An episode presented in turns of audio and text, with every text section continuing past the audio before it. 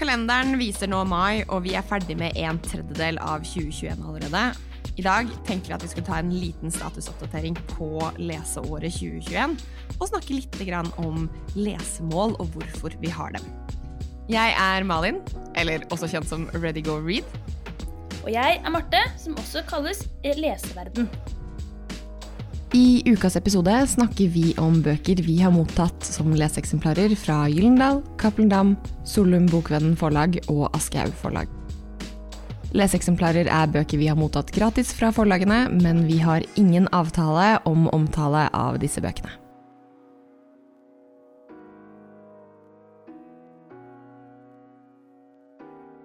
Og i dag skal vi snakke om mye forskjellig, men vi tenkte at vi må jo begynne med det som vi alltid gjør. Hvordan har det gått siden sist? Har du lest noe, Marte? Her tror jeg faktisk jeg skal starte, for dette tar ikke så lang tid for min del i dag. Jeg har siden sist faktisk ikke lest noen ting. Nada? Ingenting? Det er sjokkerende for meg selv, eh, fordi jeg har alltid på en måte har en bok i farta. Jeg har hørt deler av en lydbok, det skal jeg si. Jeg har eh, bok nummer to til Stefan Anhem, som heter Er det Den niende graven? Den niende graven, ja. Helt riktig. Den har jeg hørt det litt av. Men bortsett fra det, så kjenner jeg på meg at det har vært så mye annet i livet som har tatt fokus. Og jeg er nok litt avhengig av å ha ro rundt meg for å finne liksom ro i bok. Så jeg har nok søkt heller mye mot TV-serier. Jeg har fått utrolig oppheng på Handmaid's Tale, for eksempel, i siste. Jeg har jo ikke sett den før. Ja, altså Det at du ikke har sett det før, er jo nesten en skam i seg selv, så det syns jeg er helt greit at du ikke leser bøker for å se den serien. Men grunnen til det skjønner du, Martin, er for at jeg kjøpte boka for jeg hadde lyst til å lese boka før jeg så serien. Ja. Og den boka har nå ligget i min lesebunke veldig lenge. Så lenge at jeg nå på en måte sånn OK, noen sa liksom Hvordan kan den boka være? Du må bare se serien. Og jeg tenkte OK, da skal jeg faktisk se serien og prioritere vekk boka. Så jeg har selvfølgelig en unnskyldning, eh, som man alltid har. Men ja. Vet du hva, Jeg tenker at det faktisk er ganske viktig ja, at du nå føler roen og tryggheten og føler at du har rom til å si at du ikke har lest, fordi det er helt greit. Og det tror jeg er veldig viktig at vi minner både oss selv og lytterne våre på, at selv om vi er opptatt av å lese, og vi snakker om leseglede og vi snakker om bøker, så er det også helt lov å, ha de, nei, å ha de periodene der man ikke leser noen ting. Ja, for det skjer jo det også. Jeg kjenner Jeg snakket med min bedre halvdel i stad. Der at jeg, nå gleder jeg meg til at eh, verden åpner igjen. Fordi jeg har så lyst til å ta med meg syv bøker, altså én for hver dag i en uke, i kofferten min. Reise til et paraplydrinkeland og bare ligge på stranden og sluke bøker. Jeg bare savner det så innmari. Men nå, liksom, i mai-juni måneden i forhold til jobb og sånne ting, det er så mye at jeg bare jeg klarer liksom ikke den derre roen jeg trenger for å nyte litteraturen, da. Det er forståelig. Men jeg lurer litt på, fordi um, jeg opplever dette ofte selv. Uh, jeg sier 'jeg har ikke lest noen ting'. Men det kan ofte bety at jeg har lest, men at jeg ikke har fullført noe, hvis du skjønner forskjellen. Jeg føler at veldig mange som leser mye, kanskje har en tendens til å um, underselge, overselge seg selv. Så når du, når du, nå sier at du ikke har lest noen ting, betyr det faktisk at du ikke har lest noen ting, eller betyr det bare at du ikke har fullført noe? Jeg syns det er et utrolig godt spørsmål, eh, for jeg, jeg, kjenner jo på at det, Og det skal vi snakke om litt om senere i dag, også dette med statistikk og hvor man fører bøker man leser og sånn. Men det er ofte når jeg fører inn bøker jeg leser, eller gir dem terningkast, jeg tenker at denne boken har jeg lest ferdig. For jeg har jo mm. hørt noen timer på lydbok, det er bare at den boka er så sabla lang. Så jeg har jo ikke fått fullført den i det siste, så jeg har absolutt brukt noen timer disse to ukene på å høre på bok men det oppleves ikke som at jeg har fullført den. Og da er det vanskelig å si at jeg har lest den. For jeg kan ikke ha en 100 mening om hva jeg syns om den ennå. Jeg tror det er der det ligger. Jeg kan ikke si til deg 'Å, jeg leser den boka, Malin, og den var så bra', for jeg vet ikke ennå. Og da har jeg på en måte ikke Ja. Ja, mm. Skjønner hvor du skal, og der har jeg også lyst til å bare da fortelle folk som hører på det er både lov til å ikke ha lest noen ting, ikke ha hørt på noen ting. Eh, men det er også lov til å føle på at du har lest på en måte lite ved at du ikke har fullført noe. Men sånn aller viktigst er det kanskje å huske på at lesing er lesing. Lesing er ikke å fullføre en bok. Altså, det kommer jo helt an på om du plutselig leser en bok på 1500 sider. Da blir du jo ikke ferdig med den på en uke. Altså Are you Do you get me? Det er akkurat det. Men Ja. du da, Malin, hva har du lest siden sist? Og jeg har lyst til å trekke fram en skikkelig godbit, faktisk. Um, jeg har hørt en engelsk lydbok, men det som er herlig her, er at denne boken også akkurat har kommet på norsk. Jeg har lest Amari and the Night Brothers, eller Amari og Nattbrødrene, som den har fått navn på norsk, mener jeg. Eh, og dette er en Altså, litt yngre enn ungdom. Altså, det er en sånn derre For de som liker Ingenlund, liker de første bøkene i Harry Potter-serien, så er Amari and the Night Brothers måte perfekt. Spot on. Eh, dette er en sterk kvinnelig karakter eh, som virkelig tar sakene i sine egne hender, og det er så gøy, for dette er en ny eh, bok både på det engelske markedet, men også på det norske markedet. Og jeg tror at dette er en bok som mange kommer til å like. Og jeg, jeg bare, jeg syns det er så deilig å se at en bok kan skape såpass mye engasjement. Og jeg bare elsker det! Jeg elsker det! Fordi jeg lurer på en ting, fordi I forbindelse med at du nevner den boka der, så fikk jeg en bok i posten en dag som heter Frem Fremmedsteds reisebyrå, eller noe sånt. Som Ja. også har, er liksom solgt inn som en sånn Liker du Ingenlund Harry Potter-bok? Har du lest den, eller? Nei, men jeg hadde tenkt å nevne den senere i poden Ja. som en av bøkene jeg gleder meg til, fordi eh, den ligger framfor meg også. Og um, bare basert på det lille jeg har lest om den, så virker på en måte um, Åh, det er så vanskelig å på en måte nevne aldre, da. Uh, mens den er kanskje Fremmedsteds reisebyrå virker som en litt mer sånn åtte til ti aldersgruppebok. Ja, Den ligger inne på 9 til 12, tror jeg, så jeg tror liksom at det er akkurat der du ja. Ja, men Det er forskjell på hva på måte, bokhandleren setter den på, og på en måte hva den faktisk er. For bokhandlerne har jo på en måte sine fastsatte målgrupper. De har um, 9 til 12, 13 og oppover er ungdom, eh, 3 til 5 Altså, de har veldig sånn satte målgrupper. Men det er det jeg mener med at Fremmedsteds reisebyrå virker som en litt mer sånn 8 til 10, 8 til 11, 8 til 12, mens eh, Amari og kanskje de første Harry Potter-bøkene er litt mer sånn 9 til 10, 10 til 13, 14. altså, sånn, de er akkurat innenfor samme, mål, de akkurat innenfor samme eh, aldersgruppe sånn kategorimessig, men samtidig så er de litt, bitte litt på liksom, toppen og bunnen av den aldersskalaen. Altså, her, jeg tenker sånn det med aldersskalaer og hvilke bøker som passer inn sånn, det er et veldig veldig godt poeng, og noe vi sikkert må prate om litt senere, fordi det er skikkelig vanskelig å liksom skille den de ungdomsbøkene litt fra hverandre på alder, syns jeg. De er det. Men jeg har også lest noe helt annet, eh, og det er jo en bok vi har snakket om flere ganger i podden her, så jeg tenkte jeg fortjente å bli nevnt når jeg endelig var ferdig med den. Og det er 'Skal du ikke gifte deg snart?' av Nancy Hertz. Eh, den har jeg holdt på med nå eh, siden starten av mars, egentlig, og har akkurat blitt ferdig med den. Og det er ikke fordi det har vært en dårlig leseopplevelse eller fordi det har vært en tung eller vanskelig bok, men det er jeg som har vært på et sånn sted i livet hvor jeg har lest mange bøker på samme tid. Og innsett at jeg ikke liker det. um, og har brukt litt tid på å bli ferdig med den. I tillegg så er boka til Nancy en og en ganske stor bok. Det er mye på en måte historie, det er mye personlig personlighet, personlige historier. Det er mye på en måte ikke nødvendigvis tungt og vanskelig, men det er tøffe historier som blir fortalt i den. Eh, som gjorde at jeg også hadde lyst til å måte, ta meg tiden til å lese den og få med meg det jeg leser. Eh, men til syvende og sist, jeg syns det er en kjempegod bok, og det er en sterk anbefaling fra meg sånn generelt. Det høres ut som at du har hatt mange gode leseopplevelser det siste, da, Malin. Og det er, jo, det er jo alltid veldig inspirerende å høre, syns jeg. Jeg blir jo veldig inspirert av å høre hva du har lest. Um, men det vi skal snakke om i dag, når det kommer til hva de har lest siden sist, er nettopp hva vi har lest kanskje siste månedene. Fordi det er, jeg syns det er litt greit å stoppe opp innimellom, bare sånn stoppunkt, og bare OK, hva har jeg lest? Har jeg likt det? Ja, stikke fingeren litt i jorda og liksom ta temperaturen på, det, på leseåret, hvordan det står til. Ja. Så jeg tenker at det er det, det, er det vi skal gjøre nå.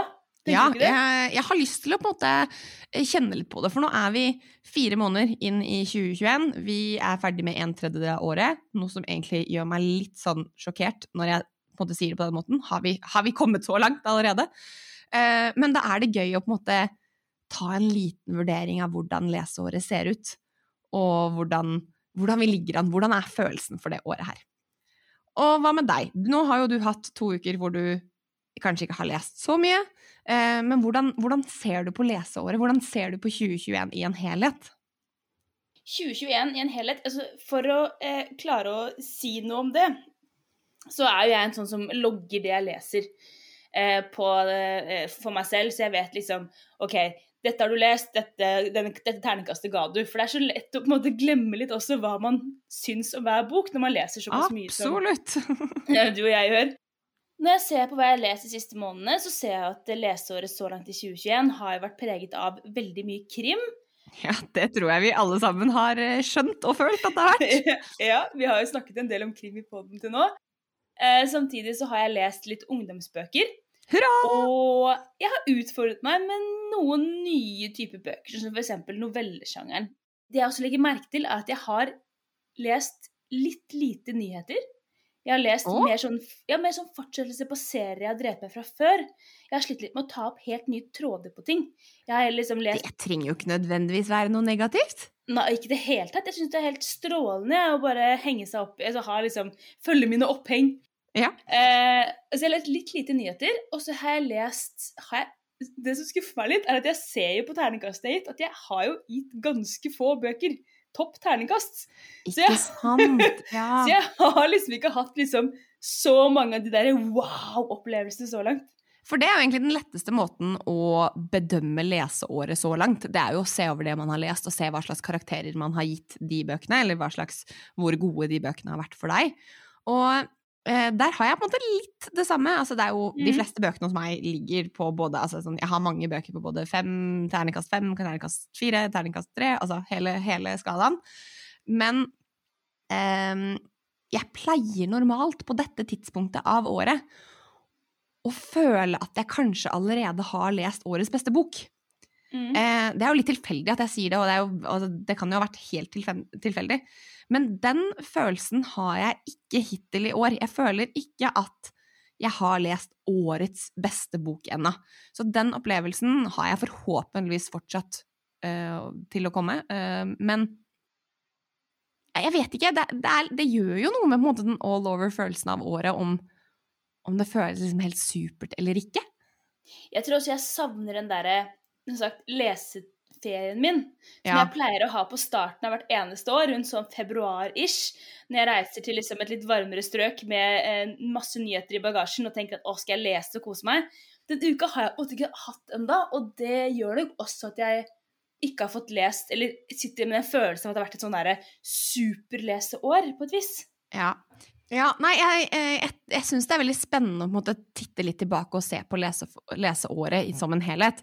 Fordi selv om jeg ikke nødvendigvis har måte, lest årets beste bok ennå, og det er jo på mange måter egentlig bare positivt, det, for da har jeg mye fint å se fram til, forhåpentligvis, eh, så betyr det jo ikke at det ikke har kommet mye bra bøker. og man får jo ikke lest alt, så man kan jo på en måte aldri vite hva man har gått glipp av heller når man snakker om leseåret. Så når vi snakker om leseåret vårt nå, så er det jo på en måte vår personlige følelse av hvordan det har gått, hvordan det oppleves, hvordan man ligger an i løypa hvis man har et lesemål. Og jeg har lyst til å måte vite litt igjen hva som har preget året ditt. da. Har du lest, liksom, Hva er den beste boken du har lest hittil i år, hvis du har en? Én bok må jo være den beste du har lest av de du har lest? Ja, jeg har jo gikk inn på statistikkskjemaene statistikkskjemaet mitt eh, for å se hvilken terningkast jeg har gitt ulike bøker i år. Og det er tre bøker jeg har gitt topp terningkast, faktisk. Oi, bare tre? Bare tre! Så jeg kan jo trekke frem disse tre bøkene, tenkte jeg. Ja. Og den første boka, som jeg tror også kommer til å stå igjen faktisk som en av de beste leseopplevelsene mine fra 2021, er Nina Borge sin 'Outlaster'. Mm, den hadde jeg også på lista. Det er litt gøy at vi er så forskjellige lesere, Marte, men samtidig så har vi egentlig så mange like ting vi liker godt. Mm. Jeg syns også det er veldig veldig interessant når vi snakker om bøker ofte, at det, jeg, I prinsippet så er jeg en som liker mer sånn roman-roman. Det er jo en sjanger som du ikke liker i det hele tatt. en sjanger i hermetegn, ja. men ja. og så trekker du ekstremt mye mer enn meg mot ungdom- og barnebøker. Ja. Eh, og jeg som bare sånn Nei, jeg er ikke så glad i det. Og så kom vi til, til summa summarum, så Likevel! Så kommer da Outlaster opp på topp. Det er faktisk sykt morsomt. Ja, men det er jo den ungdomsboken som på en måte spiller så mye på følelser og det å være menneske og smerte og glede og det, det Altså, bøker som vekker følelser i meg, uavhengig av hvilken sjanger det er, eller hvilken Mm. aldersgruppe det er skrevet til, det er bøker jeg eh, veldig ofte liker og rater høyt. Og det ser jeg også på, hvis jeg ser på leseåret mitt i fjor. Veldig mange av de bøkene jeg gir toppkarakter, er nettopp bøker som har en liten fot i virkeligheten. På en eller annen måte. Ja. For eksempel eh, Maria, Maria Kjos Fond sin Heroin Chick, for eksempel, som egentlig ikke er en eh, ungdomsbok, det er en voksenbok, men det er, og, det er, og det er jo fiksjon. Men det er en, en snev av sannhet i den, og jeg blir sånn åh, det, da, da liker jeg den veldig godt. Og jeg tror det er litt det jeg føler Mm, at den er virkelighetsnær og relaterbar, på en måte. Ja, Mm. at det er veldig sånn avgjørende for at jeg skal kunne Like sette jeg, jeg liker jo mye, men den der- Elsker den. elsker den! Gi Ja. maks toppscore, liksom! Ikke sant? Da må jeg Det må røre noe i meg. Nei, men jeg er helt enig. Outlaster, den står der, og den Jeg hadde på mange måter et håp om at den skulle gi meg den følelsen av årets beste bok. Um, helt der Helt den magefølelsen fikk jeg ikke, men jeg er ganske sikker på at den kommer til å havne på liksom ti på topplista mi over 2021. Det kan jeg nesten nesten garantere allerede. Men jeg har også noen andre bøker, eh, og en annen bok jeg har på topplista mi, det er Concrete Rose, som er prequel-boka til The Hate You Give, for eksempel. Eh, har du har lest The Hate You Give, har du ikke? Den har jeg lest, og jeg husker veldig godt at du snakket om Concrete Rose i en tidligere podkast, og tenkte Mhm. jeg at den bør jeg kanskje egentlig også lese. Absolutt. Har man lest The Hate You Give, så bør du lese Concrete Rose også. Um, jeg er litt usikker på om du bør lese Concrete Rose hvis ikke du har lest The Hate You Give. Jeg tror jeg er ganske sikker på at du vil like Concrete Rose bedre hvis du har lest The Hate You Give allerede og har en relasjon til disse figurene fra før av. Den står nok bedre som en duologi, på en måte, enn den står helt, helt alene. Men det er uansett en god bok. Det er det. Det er det. Uh, har du noen andre? Den andre boken jeg har på lista mi, er den eh, novellesamlingen vi leste i bokklubb med Marte og Malin, eh, som heter 'Kan jeg bli med deg hjem'? Og Den det- havna faktisk så langt opp. Ja, og det overrasker meg veldig masse, fordi eh, jeg hadde ikke gitt den så god karakter før vi snakket om den i bokklubben. Og det er fordi at jeg slet litt med noen av novellene. Men etter å ha snakket med andre om den novellesamlingen, så bare vokste den boka så innmari mye mer på meg. Og jeg ble gående og tenke på den og gruble og irritere meg over mange av disse novellene. Og igjen, ikke sant, den spilte deg på mine følelser, og jeg ble så, der, jeg ble så emosjonelt involvert. Og da kjente jeg at jeg måtte bare gå inn i eh, notatene mine og bare jekke den opp et par hakk på eh, Altså, jeg, vi har snakket mye om bøker det siste året, du og jeg, men jeg kjenner at i den podden her, jeg blir faktisk litt overrasket over hvor mye du blir styrt av følelsene dine når du leser. Eh, altså, jeg trodde jeg kjente deg, men jeg visste ikke at du var så liksom At karakteren på boka fikk så mye Eller hadde så mye å si på hvilke følelser det ga deg så sterkt. Og det liker jeg veldig godt. Men det jeg syns er litt interessant, er at jeg ser jo egentlig ikke på meg selv som en person som er så veldig sånn følelsesstyrt, egentlig. Og så blir jeg tatt Nei. ut på senga når jeg leser. Leser film, for eksempel. Det er sjelden du ser meg grine på film, altså. Virkelig. Men når det kommer til bøker som rører i livet mitt, og jeg blir gående og tenke og gruble i ettertid, da kjenner jeg at OK, det her er bra. Det høres jo egentlig ut akkurat sånn som det bør være, spør du meg. Men, eh, men altså, ok, jeg sier ikke at du må ha følelser for å synes at en bok er bra, men, men det er jo Jeg tror for mange så er det det som er viktig, at hvis den på en måte begynner å spille litt grann, eh, med huet ditt, og på en måte begynner å eh, leke med følelsene dine, og på en måte får deg til å connecte med noen tanker eller følelser du ikke på en måte har hatt før du begynte å lese den boken, så er det på en måte en god indikasjon på at forfatteren har, har fått til noe, da. Og da blir det automatisk en bedre leseopplevelse enn hvis du ikke connecter med de følelsene. Mm. Og du, da har du en bok til? Har Ja, um, jeg har egentlig på en måte to bøker til som jeg har lyst til å nevne som uh, som, jeg, som har fått måte, vekket gode følelser hos meg. Eh, den ene er jo 'Elskede barn', som jeg har snakket om i poden her før. En psykologisk krimbok som virkelig fikk opp pulsen min, og som på en måte imponerte meg i måten det var skrevet på. Eh, og den siste er 'White Feminism', som er en lydbok jeg på en måte også har hørt nå nylig, som fikk meg til å tenke veldig mye over min egen posisjon som hvit feminist. Hva slags rolle det setter meg i, hva slags ansvar det gir meg. Men boken gjorde det også på en sånn måte at jeg følte mer inspirasjon til å endre på en måte min feminisme enn jeg følte skam over å være den feministen jeg var. Så det, eh, det var en veldig fin bok som Altså, det er mye kjipt som fortelles i den boka, men den ga meg som måte, feminist en Den er med på å bygge opp meg på en måte på en, på en vilje jeg har lyst til å stå for. Altså, sånn, ja.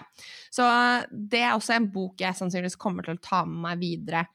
Både videre i livet, videre i 2021, altså videre inn på Ready Go Read. Altså, det her er en bok dere sannsynligvis kommer til å høre mer om fra meg, vil jeg tro. Kult. Den siste boka jeg har på lista mi, da, det er faktisk Og den her vet jeg egentlig ikke. Når jeg liksom, det her er litt vanskelig for meg, fordi jeg vet egentlig ikke om jeg syns det er en sekser, men jeg har ikke samvittighet til å gi det noe annet enn en sekser.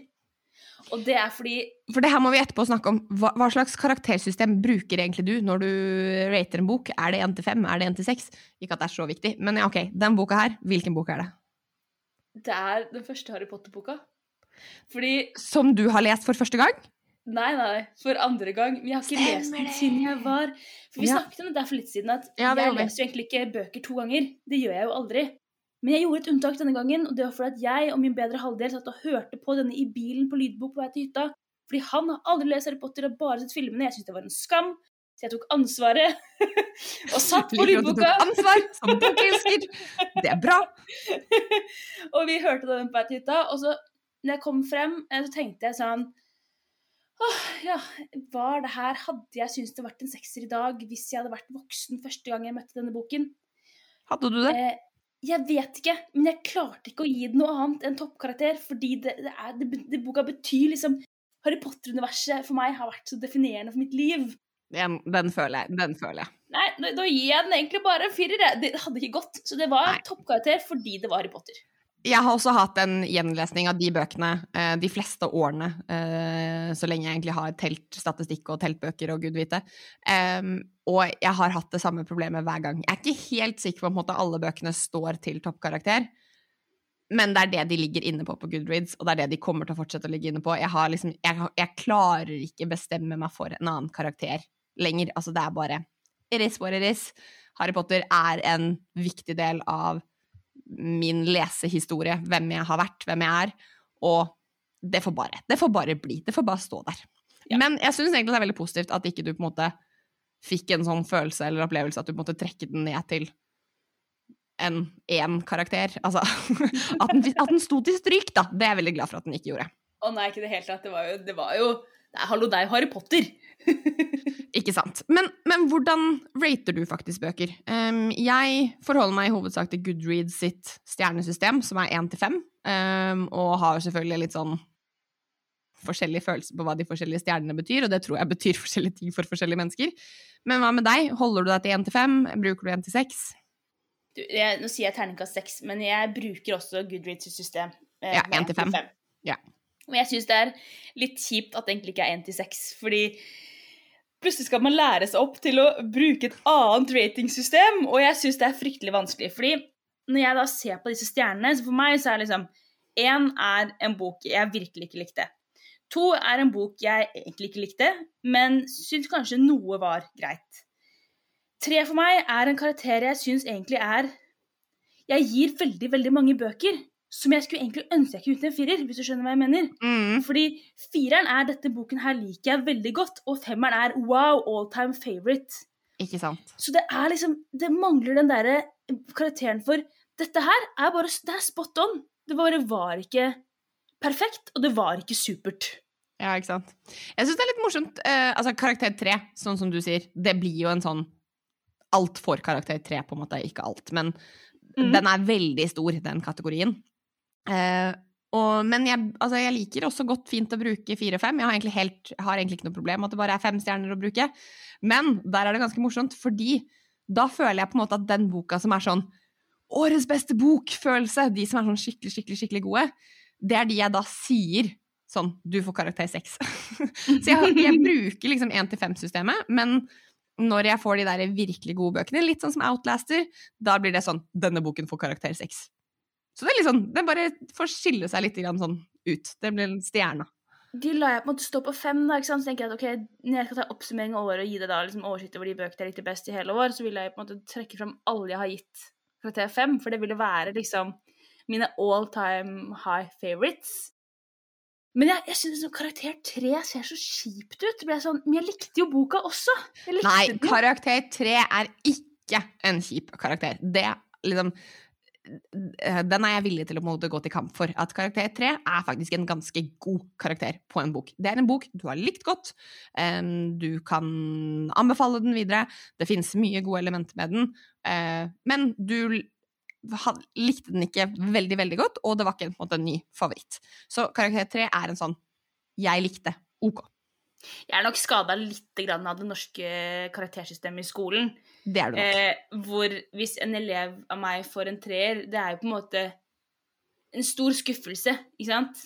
Da er du på en måte under midten av skalaen, mens på et karaktersystem fra én til fem, så er jo tre akkurat midt på. Ja, og sånn som hvis eksempel får en firer da, på en eksamen, eller noe sånt, så er jo fire Dette her er akkurat det boka ber om du skal gjøre. Altså, det Mm. er Fire er liksom Det er, det er bra, det. Ja. Fem og seks er liksom beyond. Tre er liksom sånn Veldig mange blir, sku, ja, veldig mange blir jo skuffa eh, for å få lage karakteren fire. Ja. Noen jobber hardt liksom og får en treer, og da er du kjempebra. Så man kan ta forutsetninger og innsats og veldig mye med denne pakka. Men karakteren tre er jo karakter veldig mange er misfornøyd med, og derfor sitter jeg nok igjen med en følelse av at når jeg gir bok, en bok en karakter tre, så er liksom, tenker at da blir den forfatteren også lei seg, på en måte. Ah, Eller sånn. Nei, den, den ber jeg deg om å fjerne. Jeg tror vi Jeg kan ikke snakke på vegne av alle, selvfølgelig, men eh, jeg ber deg om å kutte ut i den Drit i den følelsen. Den vil jeg ikke ha noe av. Karakter tre er en fin karakter på en bok, og karakter tre kan jeg stå for ved å både på en måte anbefale andre en bok å lese, men likevel på en måte vise at det var ikke en favoritt hos meg. Men altså, du har trukket fram tre favoritter. Jeg har trukket fram fire. Um, og for mange så kan det kanskje være akkurat det antallet de har lest hittil i år. Uh, og for noen så kan det være det, et veldig lite antall av bøkene de har lest i år. Og jeg føler på en måte for at folk skal få en forståelse for um, hvordan leseåret vårt har sett ut, så må de kanskje vite litt om hvor mye vi leser, og på en måte gi noen eksempler på hvordan et leseår for oss ser ut. Mhm. Hva Kan ikke du begynne, Malin? jo, det kan jeg. Eh, har ikke noe problem med det. Um, jeg har hittil i år lest 39 bøker. Og som jeg da føler at jeg må disclaime hver gang, ja, det inkluderer både lydbøker og eh, fysiske bøker. Og e-bøker. Og det innebærer alt jeg har lest, egentlig. Så 39 bøker er lest hittil i år. Og så har man jo denne Goodreads-siden hvor man kan sette et mål for hvor mange bøker man skal lese i løpet av et år. Um, der har jeg satt 52, bare for å liksom ha én bok i uka som måte, hovedmål. Men det er ikke helt det jeg forholder meg til. Um, jeg har de siste årene begynt å leke meg litt mer med eh, antall sider, og forholde meg til det som lesemål. Uh, og der ligger jeg også liksom greit an. Men uh, de siste, de siste året har jeg kanskje ikke fokusert så mye på, måte, på det lesemålet, hvordan jeg ligger an, men kanskje tenkt mer på hva jeg velger å lese. Og det har jeg lyst til å snakke mer om. Men hva med deg? Hvor, liksom, hvor mange bøker har du lest hittil i år, hvis det skal gi et bilde på hva slags leser du er? I år har jeg lest 17 bøker. Og Ja. for mange er det som sagt kjempemye. For meg så er det midt på treet. Fordi jeg syns, eh, som du sier, man setter seg mål og sånne type ting. Og jeg begynte først for tre år siden, eller 2019, da. To år siden.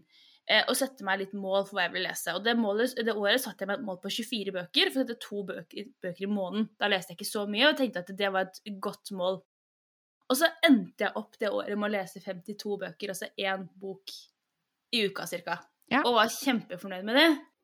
Og da ble jeg sånn, I 2020 fikk jeg da blod på tann. ikke sant? Da var jeg sånn åh, nå må jeg lese litt mer enn jeg gjorde i fjor. Så da hadde jeg liksom målt på 60, og da av en eller annen grunn klarte jeg å lese 94 bøker i fjor. Og det er jo, jeg, det er jo helt sjukehus. Så når jeg da kom til 2021 og tenkte sånn Må jeg ha bedre mål i år enn i fjor? Hvordan skal jeg klare dette? Så var jeg sånn Jeg satt OK, i år skal jeg lese 100 bøker som et mål. Men jeg kjenner jo allerede nå at jeg kommer ikke til, og har ikke lyst til, å klare det målet på 100 bøker. For først så er det helt sinnssykehus å lese 100 bøker på løpet av et år. De som gjør det, fy fader, ass. Det er eh, ros til de som får til det. Eh, men men eh, ja, jeg ser nok jeg må justere litt ned i det og se på at 2020 var et, et år for eh, det ekstreme på veldig mange måter. Men du, har jo, du ligger jo right on schedule for én i uka, så sånn sett så er jo det fortsatt et veldig sånn fint ja. og identifiserbart mål, hvis man kan si det på den måten. Absolutt. Og jeg tenker jo at det kanskje det er det der vi skal lande til slutt. At vi lander vel på rundt kanskje én bok i uka. Ja. Eh, og det er ikke fordi at man jeg tenker veldig på at jeg har veldig mye mål i livet. Mål drar meg i alle mulige retninger for hva jeg har lyst til å lese etter. Mål for løping, trening, eh, løfting eh, Du er en person som blir motivert av målsettinger? Absolutt. Ja. Men jeg tror at det som meg mål i fjor, og gikk så, klarte det så innmari, at jeg på en måte, ok, jeg får det til hvis jeg vil. Jeg har fått bekreftet for meg selv at hvis jeg har lyst til å lese mye, så får jeg til å lese mye. I år er det nye prioriteringer som gjelder. Nå er det les for kos. Ikke sant? Ja. Og det kjenner jeg meg veldig igjen i, eh, for jeg hadde jo også et helt sinnssykt mål i fjor. Jeg bestemte meg jo for at eh, jeg skulle gå for 50 000 sider i 2020. Eh, og 50 000 sider, det er sabla mye bøker. Det er mye. Um, det er mye. Eh, og igjen, det inkluderte både lydbøker og uh, fysiske bøker. Og når jeg regnet en lydbok, så regnet jeg da antall sider fra hardcover-versjonen av boka, Uh, hvis den fantes i hardcover. Og um, det var rett og slett slitsomt. Jeg endte på 174 bøker, tror jeg, totalt uh, på året. Og jeg klarte de 50 000 sidene på nyttårsaften. Altså da bikka jeg på en måte målet mitt. Men da kjente jeg også at, måte, at, lesing ble en greie jeg ikke bare prioriterte fordi jeg hadde lyst, det var en greie jeg prioriterte fordi jeg måtte. Og jeg hørte på lydbok hele tiden. Jeg, kunne liksom, jeg tillot nesten ikke meg selv å se på TV eller høre på podkast fordi jeg hele tiden måtte måte komme meg videre med lesemålet. Så i år så kjente jeg noe på at det orker jeg ikke. Um, jeg har på en måte ikke noe konkret lesemål i år. Men jeg har som sagt jeg har satt dette målet på 52. Regner med at jeg kommer til å nærme meg mer 100. Det er der jeg liksom har ligget de siste årene. Um, men så har jeg liksom kanskje sånn Jeg ser litt på 30 000 sider i år. Jeg ligger på 10 200 nå.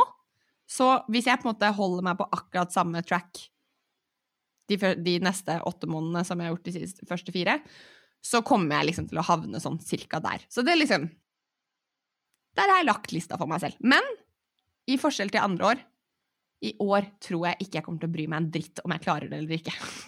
Jeg har målet for å liksom fokusere litt på det, men in the end spiller egentlig ikke så mye rolle. Ikke i år. Ikke i år. Gjør jo ikke det. Det er ikke sånn at du får noe mer eller mindre livsglede av å nå det målet. Nei, det, det, er kanskje sant. og kanskje i hvert fall ikke når målet er lavere enn det målet du satte deg i fjor. Altså sånn, Hadde nå målet vært du skal slå de 50 000, så blir det liksom konkurransedrevet ikke sant, for deg selv. Det skal jeg aldri gjøre. Ja. Men nå måtte bare målet ditt er å lese et visst antall sider som er lavere enn det du har gjort før. Så personlig så er ikke det en konkurranse jeg hadde vært så interessert i å vinne. på en måte. Nei, og jeg, jeg spurte på Instagram før den innspillingen av poden her litt sånn generelle spørsmål om lesemål. Eh, jeg spurte hvorfor har vi det, hvorfor har vi det ikke, hva slags lesemål setter du deg? Og veldig mange av de som svarte at de ikke hadde lesemål, de svarte at det var fordi de ønsket at det skulle være gøy. De ønsket at det skulle være noe avslappende, det skulle være noe de på en måte bare koste seg med i hverdagen, og ville derfor ikke ha det fokuset. Men samtidig så er det også veldig mange som svarer at de har lesemål nettopp fordi de ønsker å sette av tid til det i hverdagen. De ønsker at det skal være en ting de er bevisst på i hverdagen. Og de vil liksom lese mer, og da trenger man målene for å være bevisst på det. Og det er jo som du sier, med trening og så mye annet. Vi setter oss mål. Ja, for mange kan det være kjempeslitsomt, og da skal du kanskje ikke gjøre det. Men for andre så er det det som kan være med på å få deg til å liksom holde fast på fokuset og vite hva du har lyst til å gjøre, da. I fjor var det en konkurranse som het, eller en kampanje som het Hele Norge leser, som gikk med ut på at man skulle få flere til å begynne å lese litt hver dag. Litt hver dag, ja. Mm. Da kunne man få eh, maks poengscore da, hvis man leste 50 sider om dagen. Og jeg syns det var en ganske deilig utfordring å ha gjennom fjorårets sommer. Problemet da igjen var jo at de rigga konkurransen så innmari teit at det var jo ikke egentlig sider man konkurrerte i til slutt, det var antall bøker man løste. Og da er det så demotiverende å være flink til å lese mange sider hver dag. Og så er det noen som leser Mamma Mø og Kråka 5 til 70, eh, som eh, sitter der 200 bøker på to måneder og går av med seieren i konkurransen. Ja, det var jo noe med hvordan eh, resultatli eh, resultatlista ved lik poengsum ble fordelt. Men ja. jeg likte jo veldig godt det Hele Norge leser prøvde på ved å minne deg på at du skulle lese hver dag, og på en måte at du, mm. du skulle ha den lille tiden hver dag til å lese de 50 sidene mm. eller 50 minuttene, eller hvordan de satte det opp. Og det kan jeg liksom stille meg veldig, veldig, veldig bak, fordi lesing er jo noe jeg Jeg gjør det jo fordi jeg liker å gjøre det. Det gir mm. meg veldig mye positivt. Det gir meg en avkomling. Det får meg til å slappe av. Altså, leser jeg før jeg legger meg, med mindre jeg leser 'Elsket barn', da selvfølgelig, så kjenner jeg at pulsen roer seg ned, og jeg liksom Jeg er ganske sikker på at jeg sover bedre når jeg leser før jeg legger meg. Så det å på en måte bli påminnet på å liksom gjøre det hver dag, det syns jeg er kjempefint. Men som sagt, konkurransen i seg selv, den det er en diskusjon for seg sjøl. Den var kanskje litt irriterende for oss som har litt konkurranseinstinkt, men sånn er det. ja, og jeg tenker jo at det, det, å heller minne seg på å prøve å prioritere det å gi liksom litt rom til lesing i hverdagen, tenker jeg kan være et bedre mål for meg, i hvert fall, gjennom resten av 2021, enn å nå x antall bøker eller x antall sider. Mm. Um, ja, jeg, um, det var også en ting som måte, flere av følgerne mine nevnte når jeg hadde denne lille spørreundersøkelsen. Og det var jo på en måte de som ikke uh, nødvendigvis setter mål i antall bøker eller i antall sider.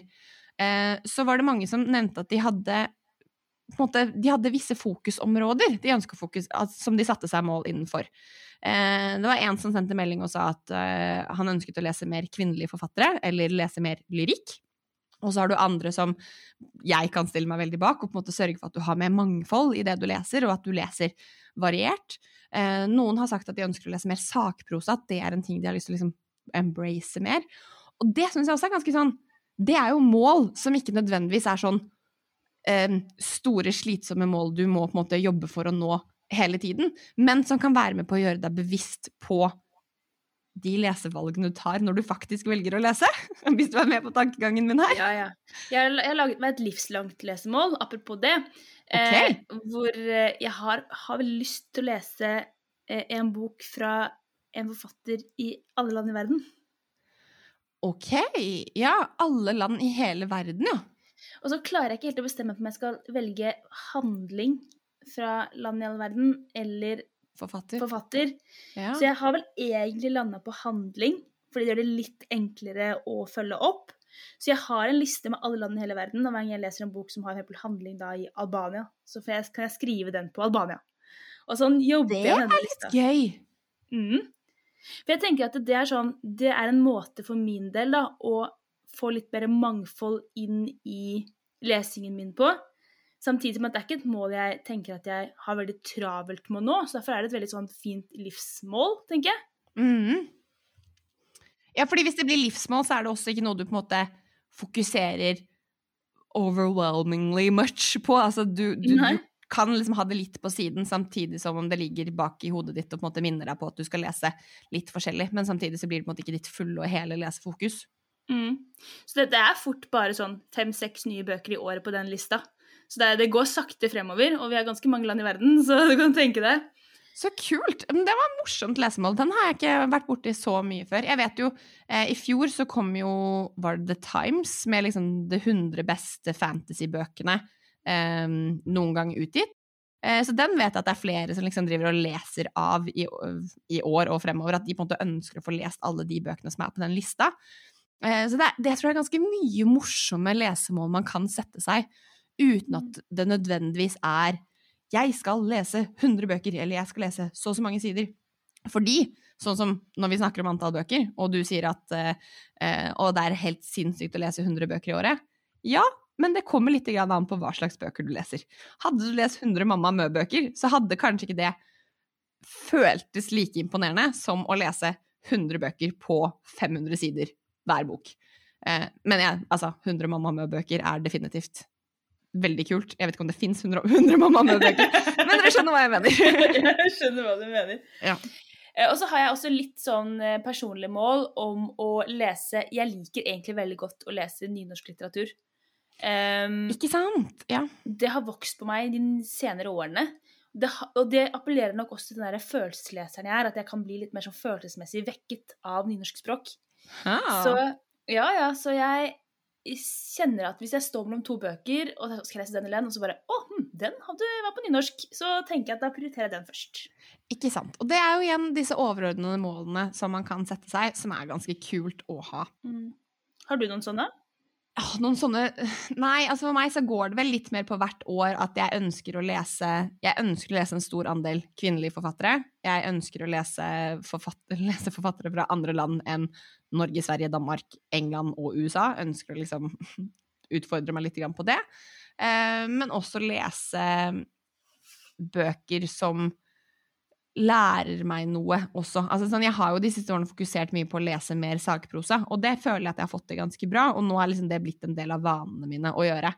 Eh, men i år, som jeg har nevnt, jeg er litt, kanskje litt sånn målløs i år. Eh, ting flyter litt, og det handler egentlig bare om å på en måte finne en god leseflyt for meg.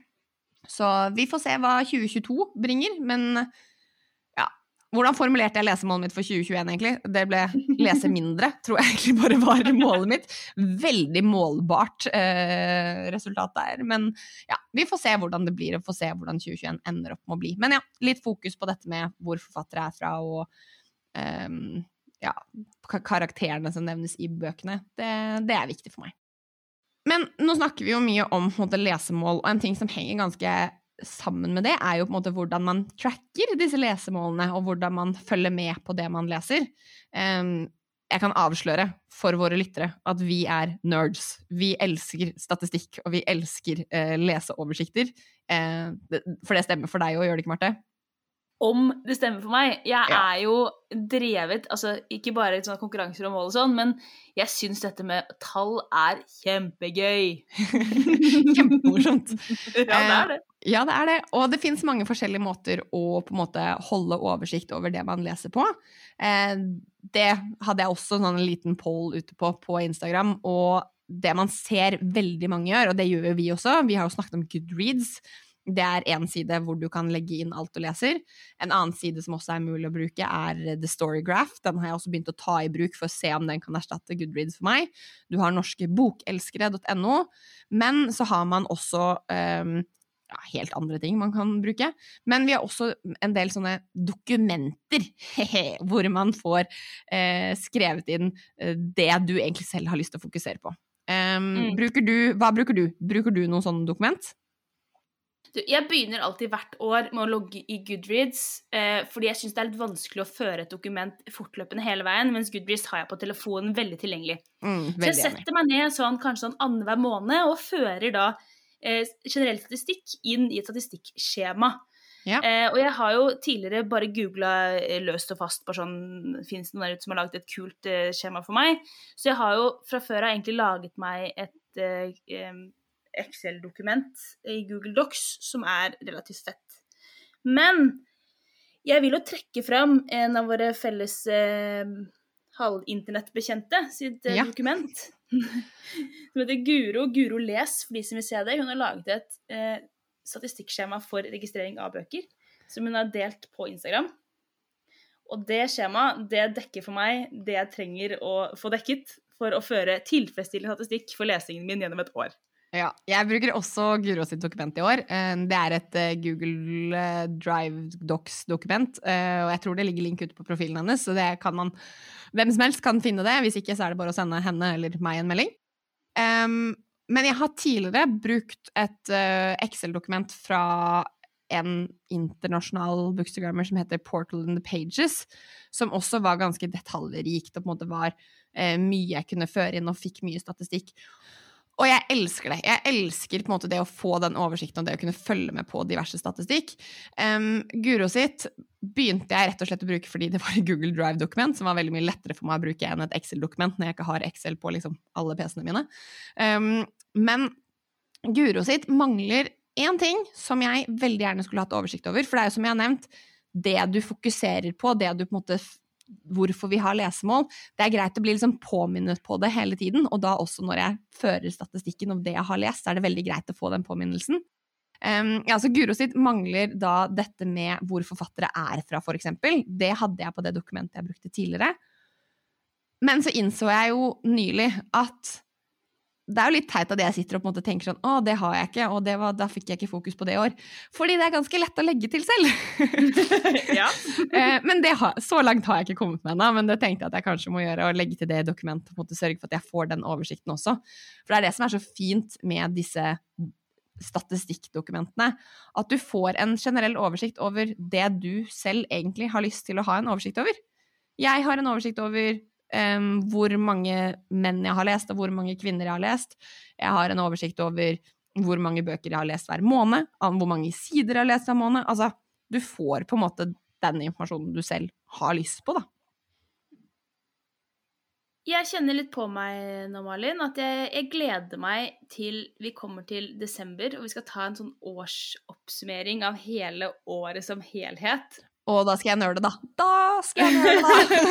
og både se på faktisk om vi nådde noen mål, om jeg fikk lest forfattere fra flere land i verden, om du fant en eh, årets beste bok, eller om du egentlig aldri fant den boka, osv. Ja, Én blir... bok blir alltid årets beste bok. Har man lest én bok, så vil man ha lest årets beste bok.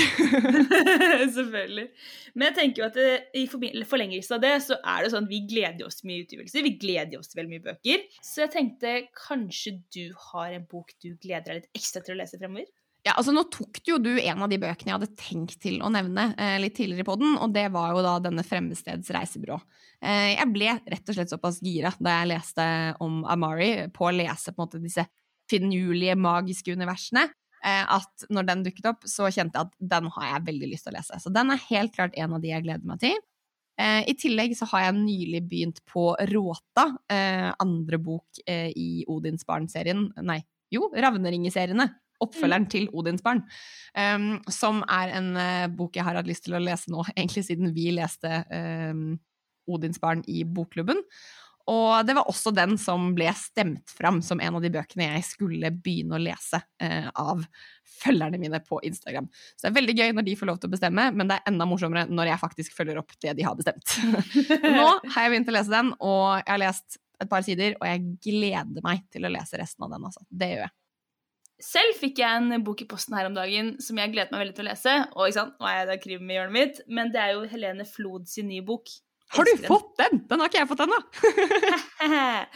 Eh, så den boka, den gleder jeg meg stort til å lese. Jeg likte jo 'Terapeuten', som var den forrige boka hennes, og den fikk jo kjempeanerkjennelse. Eh, ikke bare, ikke bare nasjonalt, men også internasjonalt. Og da blir det veldig spennende å se. Jeg må jo kjenne at hadde jeg vært, vært henne, det derre presset man får liksom, på bok nummer to oh, eh, Den vanskelige andre boka som mange snakker om. Og de forventningene folk har, vet du. Ja. Så den eh, ligger høyt, høyt oppe på min leseliste om dagen. Og utenom det så fikk jeg en bok i posten som heter 'Guds beste barn', eh, som vant romanprisen i Danmark, tror jeg.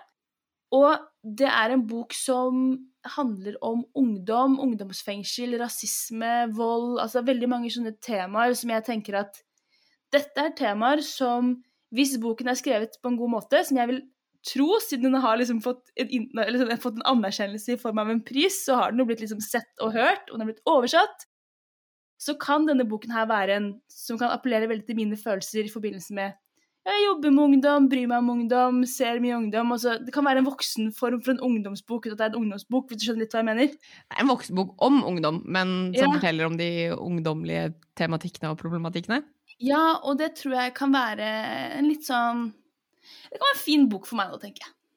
Ja, um, jeg, den hadde egentlig ikke vekket oppmerksomheten min uh, tidligere. Uh, hadde hørt tittelen i en bisetning eller to. Men eh, når du sier hva den handler om, så får jeg også lyst til å lese den. Og det er jo da det vi håper er positivt med denne podkasten her, om at eh, folk faktisk skal få lyst til å lese eh, noen bøker, og kanskje lese litt mer enn det de normalt sett gjør. Mm. Men så er det jo, som vi kanskje har nevnt i den podkasten her, at det er viktig at man holder lesinga på et nivå som er riktig for, for seg selv. For deg. Er det ikke det? Absolutt. Og der jeg tror for eksempel 2020, eller sånn, for meg var det som 2019, det var kanskje mer sånn treningens år. 2020 var lesingens år. Jeg tror 2021 vil være strikkingens år, på en måte, for det er blitt mye tid på ikke sant, og lydbok og strikking. Uh, og det er jo på en måte litt sånn Ja, vi, vi utvikler oss, vi også som mennesker, og har interesser som preger livene våre. og jeg er veldig glad for at bøker har alltid vært en konstant del av meg som menneske. Altså Fra jeg var liten og gikk med boka i labben, liksom, til i dag, så har liksom bøker vært med å prege mitt liv, og det vil det nok alltid, alltid gjøre. Mm. Men i år så er liksom sagt fokuset det er å kose seg, det er å nyte, og ikke nødvendigvis stresse seg fra bok til bok for å liksom være sånn superleser. Det kjenner jeg at jeg har ikke noe behov for å være i år. Ja. Jeg, men jeg må ærlig si at jeg syns det er veldig deilig å høre deg si at selv om du ikke har lest på en stund, og selv om du kanskje ikke er i på en måte, det leseflowen for tiden, så finnes det fortsatt bøker som på måte, vekker interessen din, og du, du får fortsatt lyst til å lese, det bare er ikke akkurat det du prioriterer eh, hver enkelt dag. Og det, det syns jeg er kjempefint, for da vet du på en måte at den lysten til å lese, den ligger der egentlig. Du må bare ta deg tid til den når du, når du føler for det. Å ja, å Å ja. ja. Det tror jeg var det vi skulle snakke om i dag. Vi har vært innom mye, men eh, som alltid har det vært en fornøyelse. Og jeg gleder meg til neste episode allerede. Det må være lov, er det ikke? Å, det er lov. Jeg gleder meg, jeg òg. Ja. Vi håper at eh, du som hører på, har satt deg lesemål du er fornøyd med. Eller hvis du ikke har satt deg lesemål i det hele tatt, at du er strålende fornøyd med det også. Vi håper at 2021 så langt har vært et bra leseår, men at de neste månedene kanskje blir enda bedre. Til neste gang, kos deg med en god bok. Vi snakkes. Det gjør vi. Ha det bra. Ha det.